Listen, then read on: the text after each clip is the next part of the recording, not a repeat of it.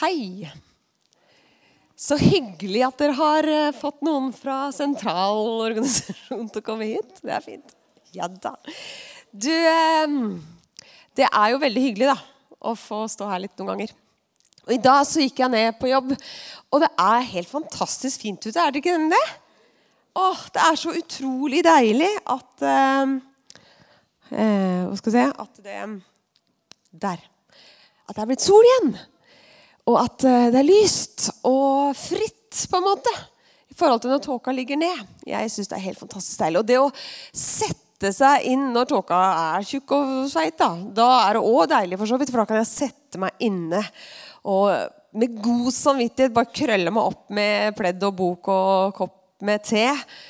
Så gjør jeg det altfor sjelden. Det er en annen side av historien. Men jeg syns det er veldig deilig. Og jeg tenker åh, er ikke det som er hele poenget? da? At vi skal ha det litt sånn godt. At vi skal kose oss. Ha det behagelig. At det er det som på en måte er eh, meninga med livet. Eller prikk, prikk, prikk. Noen ganger skal jeg tenke at eh, at På mange måter så er det jo meninga med livet har det godt. det er ikke det jeg sier, Men samtidig så er det ikke det som er hele meninga. For livet er så mye mer. Vi er større enn oss selv. Og i dag så skal jeg si noe som ikke nødvendigvis klør deg i øret når du hører på det. Men jeg tror faktisk at det er viktig å snakke om likevel. Jeg tror det er riktig å snakke om allikevel. Og jeg skal starte med en liten innrømmelse. Og den handler om at jeg tror vi voksne har eh, vært dårlige rollemodeller for ungdommene våre på ja, sikkert på mange punkt, da. Men det er ett jeg skal dra fram nå. Og det handler om det at vi har sagt ja, men du må jo følge hjertet ditt, jenta mi. Følg hjertet ditt. Da, da, kommer du fram dit du skal. Da blir du lykkelig. Du må jo være lykkelig, vennen min. Så hvis du føler at det er det beste for deg, ja, men da gjør du det, da. Sier vi. Så er det så mange voksne som lever sånn. Og er med hele sitt liv, mener jeg, dårlige rollemodeller. Og det er jo litt upopulært å si at det skal vi ikke få hjertet vårt, liksom. Men følg meg på hele historien, så tror jeg dere henger med. Fordi at eh, jeg tror faktisk at det å følge mitt hjerte Hvis jeg skulle følge mitt hjerte i ett og alt, så ville jeg kommet på ville veier. For mitt hjerte er noe av det minst pålitelige som fins. Mitt hjerte, det vil meg ikke bare vel. Mitt hjerte vil det som er godt akkurat nå. Og så er ikke det nødvendigvis det beste på sikt. Så det der med å følge hjertet, det er, tror jeg, en forførende, men gal tanke, da. Um, har noen av dere vært på sjøen? Ja, det har jeg òg. Og hvis vi skulle ha fulgt, eller kjørt på sjøen uten å følge de sjømerkene som er der, da hadde det kunnet gå ganske gærent. Og noen ganger så går det skikkelig gærent òg. Og jeg vet ikke helt åssen de her som vi ser bilder av nå, har, eh, hvor de har sett den. Men uh, de har i hvert fall ikke fulgt de merkene som sto midt i fleisen på dem. Um, og noen ganger så, så lurer jeg på om det der med å følge hjertet kan være litt sånn. Man ser varsellampene, men allikevel så kjører man på. Jeg har òg gått på skjær. Det sies at det er to typer uh, båtfolk. Jeg vil ikke proklamere og si at jeg nødvendigvis er et båtmenneske, veldig, men jeg er veldig glad i å være på sjøen, og jeg har kjørt båt en del ganger. Og jeg tror jeg er i egentlig begge kategoriene. De som har gått på skjær, og de som kommer til å gå på skjær. Um, det er de to typer båtfolk. Og jeg liker veldig dårlig å gå på skjær. Den følelsen når du sitter fast, altså og ikke vet helt om båten kommer til å tippe helt over eller ikke, den er veldig guffen. Og i tillegg til at jeg ble redd, så var jeg veldig opptatt av at ingen måtte se oss. Det var liksom den første tanken som slo. Oss. Og så var liksom prøvde å få oss av dette skjæret, men det var jo sikkert noen som så oss, som lo veldig godt. Men uh, det er en veldig ubehagelig følelse. Og Oftest så går det bra fordi det fins merker, heldigvis. Og hvis de merkene hadde vært løse, da, hvis ikke de var murt fast i fjell. Da ville ikke de vært mye å stole på. Men fordi de står fast på fast grunn, så går det an å følge de. Hvis jeg skulle følge mitt hjerte i ett og alt, så tror jeg det ville vært som å kjøre båt og styrt etter en vest som fløyt, en flytevest som fløyt rundt på vannet. Det er omtrent mitt hjerte når jeg følger det. Eh, så jeg tenker at det å bruke hjertet sitt som retningsviser Altså det blir som å kjøre båt og følge en flytevest som flyter rundt, og ikke fastmurte merker. I kirka vår så tror vi på en Gud som har skapt oss med en hensikt. Vi tror på en Gud som ønsker oss det aller, aller beste. Det er jeg overbevist om. Jeg tror at Jesus kom til denne jorda for å fortelle oss om nettopp det. Han kom i Jesu Kristi kropp, gav et bilde av og viste med hele sitt liv hvem Gud er. Han ville vise oss både den veien som er den aller, aller beste, men òg den veien som fører til det aller, aller beste, nemlig kjærlighetens vei. Det er ikke det samme som å gjøre det du har lyst på akkurat nå. Kjærlighetens vei betyr ikke at jeg hele tiden skal følge mitt hjerte. Kjærlighetens vei er, tror jeg, noe veldig dypere og veldig mye mer. Historien om Jesus den viser med all tydelighet at den veien han gikk, selv om den var den rette, så var den alt annet enn behagelig og alt annet enn komfortabel. Han viser med all tydelighet at den rette veien kunne være ganske krevende, faktisk. I Det nye testamentet, som jeg har liggende her, så kan vi lese øyenvitneskildringene de som var rundt Jesus, som hørte hva han sa, som så hva han gjorde, så skrev det ned for sånne som oss som kom etterpå. Så vi skulle vite hva han sa og hva han gjorde. Så vi skulle bli kjent med hvem Gud er. Og i den delen av Bibelen så kan vi lese om en mann som gjorde ting så annerledes, som var helt motsatt av det samfunnet generelt var. Et samfunn hvor barn Barndommen var bare nødvend, et nødvendig onde, nesten. En nødvendig fase å leve igjennom for å bli et fullverdig menneske, nemlig voksen. I det samfunnet så løfta han barna opp og sa dette her er det største i mitt rike. Barnet er den du skal ligne. Og i et samfunn hvor kvinnen ikke var en person, men en eiendel som mannen eide, et samfunn hvor kvinnen ikke var verdt en skit. Hun var ikke verdig å være, hun var ikke verdt å lytte på i en rettssak som et vitnegang. For hun hadde ikke verdi. Hun var ikke troverdig. En kvinne var det Jesus valgte å vise seg for først etter at hun var stått opp fra de døde. Så hun kunne bringe det videre. I et samfunn hvor syke og gamle og babyer ble satt ut for å dø hvis de kom til å bli til byrde for andre. Der kommer Jesus nær og tilbyr fellesskap. De som ingen ville ha noe med å gjøre fordi de var for syke eller for fattige, eller for hva som helst, de kom Jesus til. Og så syns jeg det er tankevekkende at nå, på fredag, så var denne karen som heter Peter Singer, en australsk moralfilosof i Oslo, på Universitetet i Oslo, og underviste og foreleste om, om, noe som ikke har med det her å gjøre. for så vidt. Men han er en kar som står for det at vi må skille mellom personer og mennesker.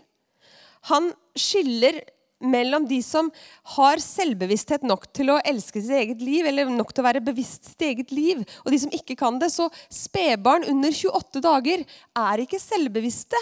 Så de er ikke personer, de er mennesker. Ergo, de har ikke krav på beskyttelse.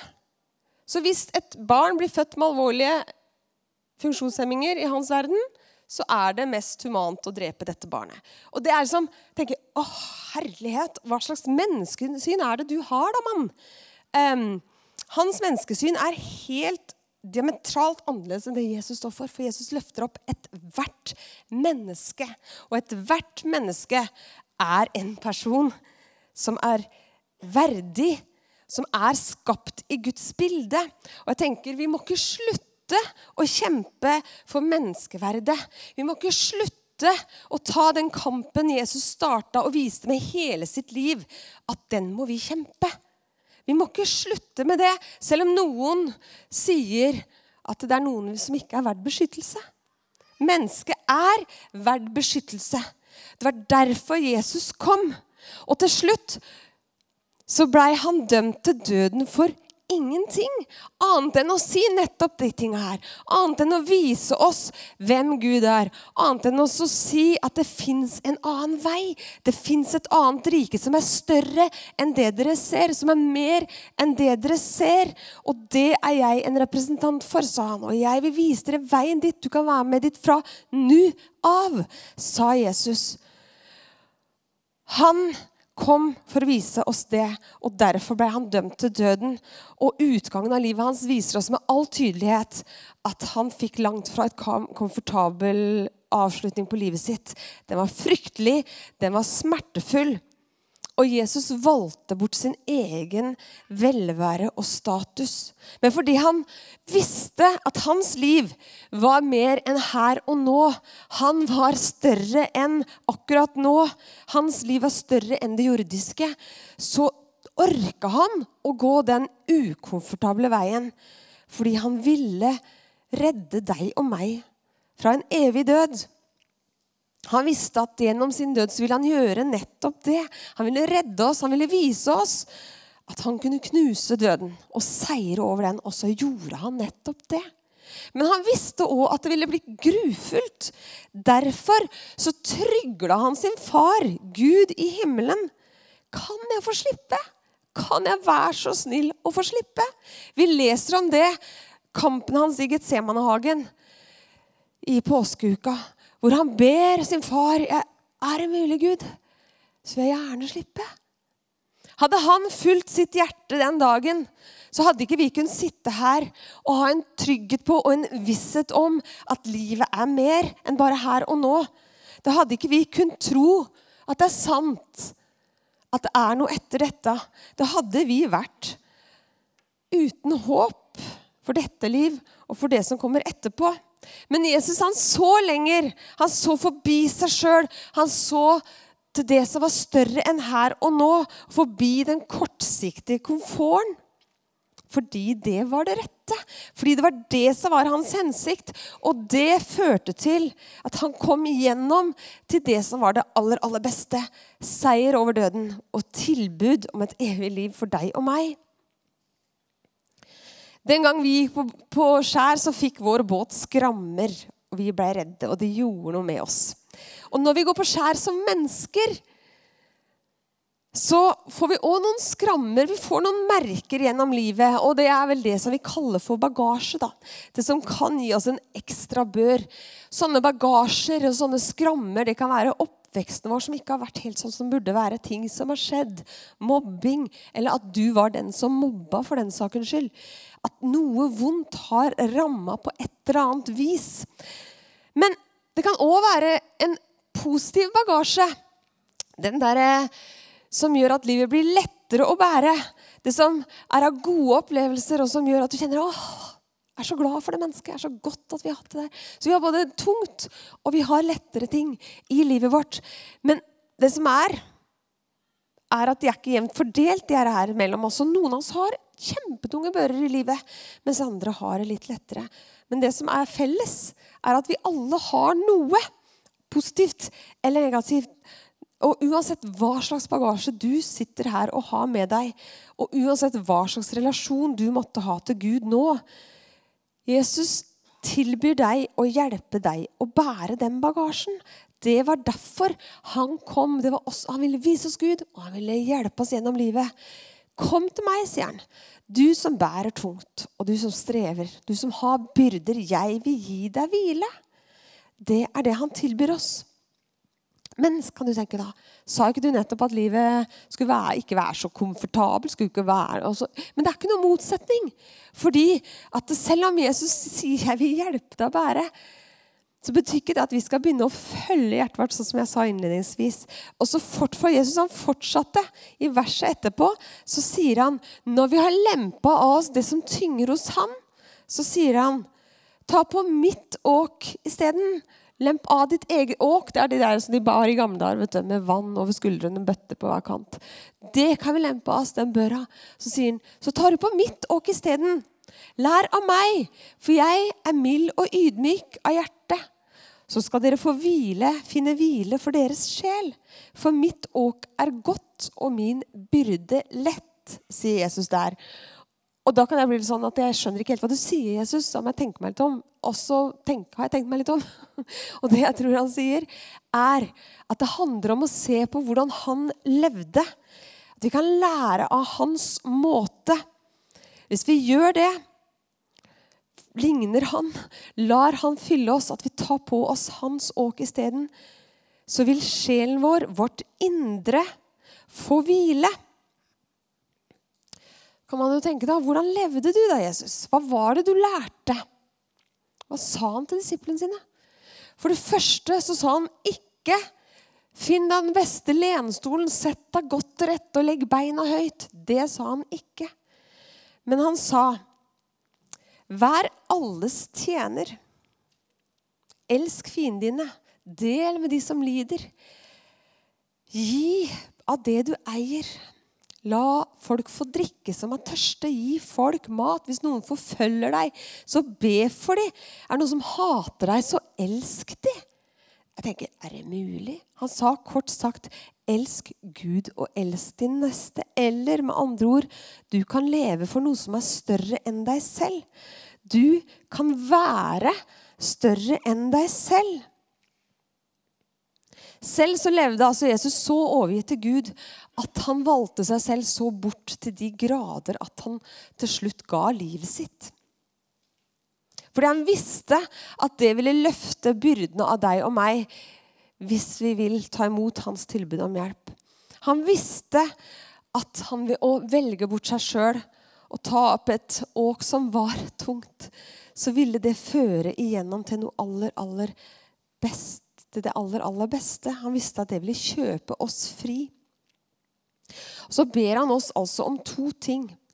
Gi ham det vi strever med, og ta imot det åket han tilbyr. Jeg tenker at Det jeg strever med, det kan være så mangt. Du sitter med ditt liv. Du vet sjøl hva du strever med i ditt liv. Det kan være uro bekymring, sykdommer, framtidsfrykt osv. Men ikke stopp der. Jeg tror det å lempe oss an, det er helt fantastisk. Det er så frigjørende.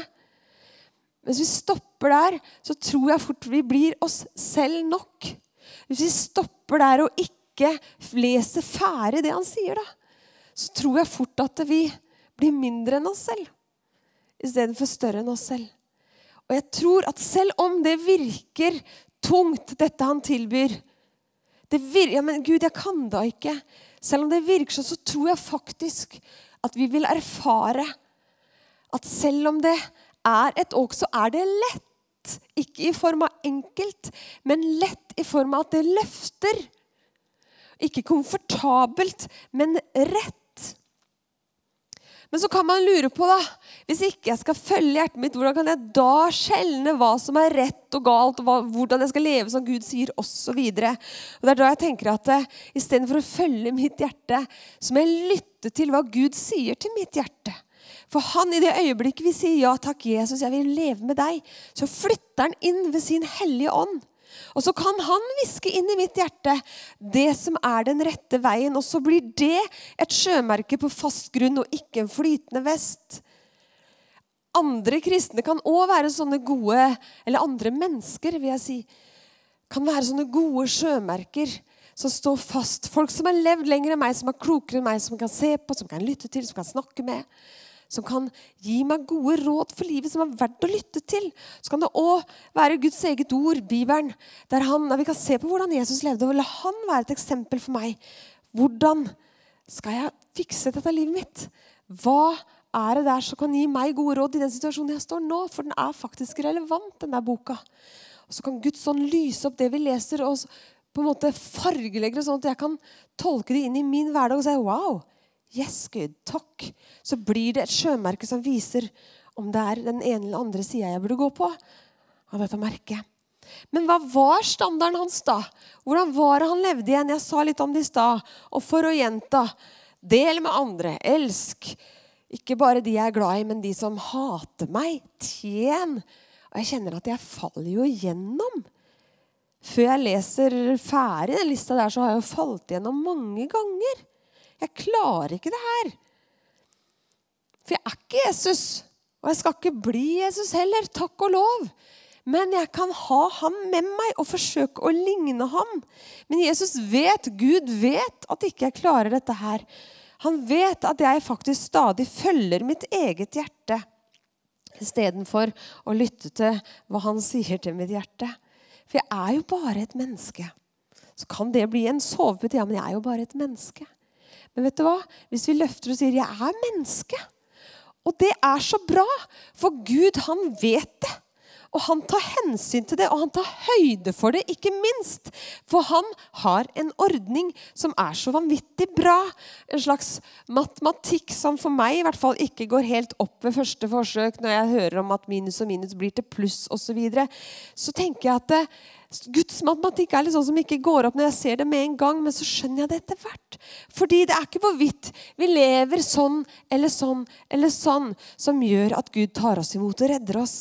Nei, det er ene og alene fordi han er kjærlighet. At han elsker oss så ufattelig høyt. Og han elsker oss fordi vi er akkurat sånn som vi er.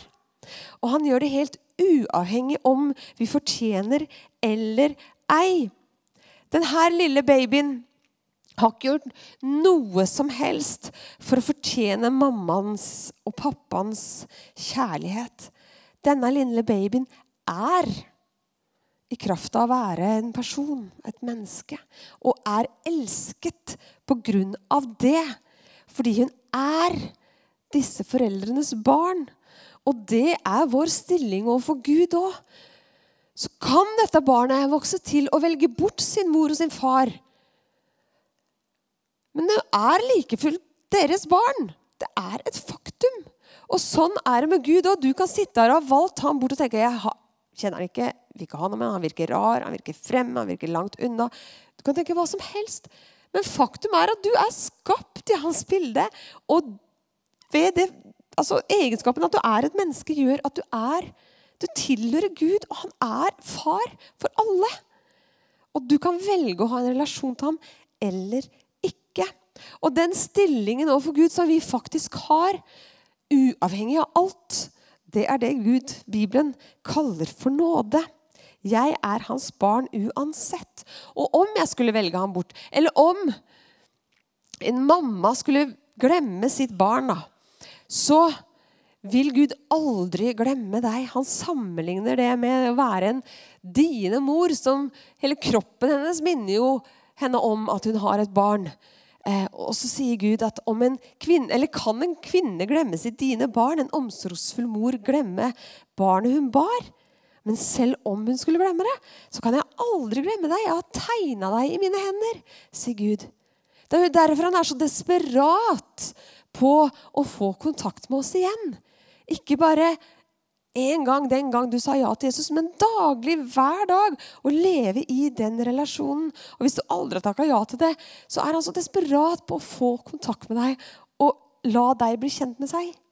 Det var jo derfor Jesus kom. Så det er det første. Han vet hvem vi er. Vi er mennesker som han elsker. Det er det første. Han elsker oss. Og det andre er at han vet at vi ikke klarer å nå opp til hans standard. Han vet at vi er svake. Og så bruker han den svakheten til vår fordel. Fordi han gjør minus og minus til pluss. Så han vet at vi faller gjennom, han vet at vi syns det er vanskelig. Men i det øyeblikket vi erkjenner det, så gir vi han muligheten til å komme til med sin styrke. Så blir vår svakhet med det forvandla til styrke. Minus og minus blir pluss. For når jeg er klar over hvor lite av det som Jesus gjorde, jeg får til, når jeg er klar over det, så gir jeg altså han muligheten til å slippe til. Når vi går ut av komforten når vi går inn i det å velge motstrøms og kjenner oss svake For det gjør, kan gjøre at vi føler oss litt små når vi velger motstrøms. Og velger det rette selv om det er vanskelig. Så kan vi erfare at selv om det føles skummelt, så erfarer vi at idet vi tar det steget, så er det som om Gud løfter oss opp. Det føles ikke nødvendigvis bedre, det kan fortsatt være like vanskelig. Men vi kan kjenne at Gud er med i beslutningen, og at vi kan få en sånn styrke til å stå i det selv om vi føler oss puslete. Når det skjer, så lover Bibelen at han vil være med oss, og han sier at eh, når jeg er svak, så er jeg sterk, skriver Paulus.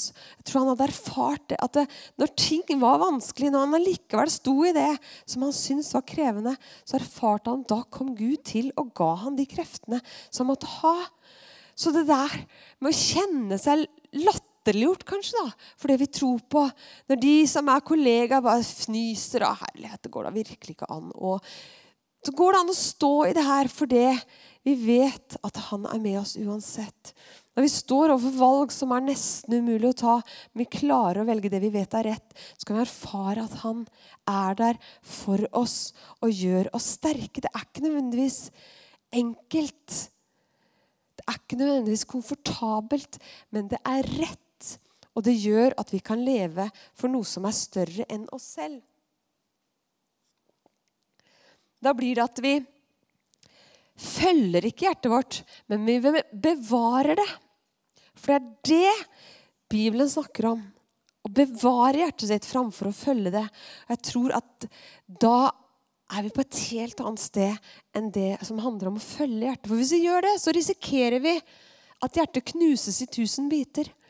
Men hvis vi bevarer det og lever sånn som jeg har sagt nå, da, i forhold til å ta Gud inn og be Han om råd, følge det Han sier for livet vårt, da kan hjertet vårt bli bevart gjennom alle ting. Hjertet ditt er kanskje knust, og det kjennes som å ha en tung bør.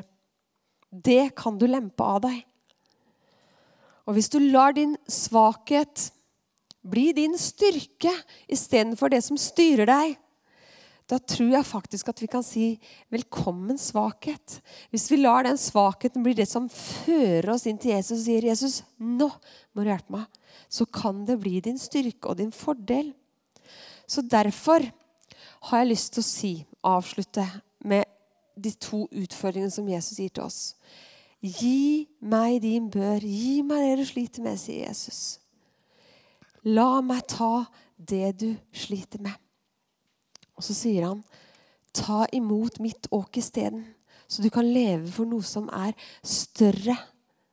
Så du kan komme igjennom til det som er det aller, aller beste. Veien er kanskje kronglete, men det er det aller, aller beste. Det er det rette, selv om det føles vanskelig.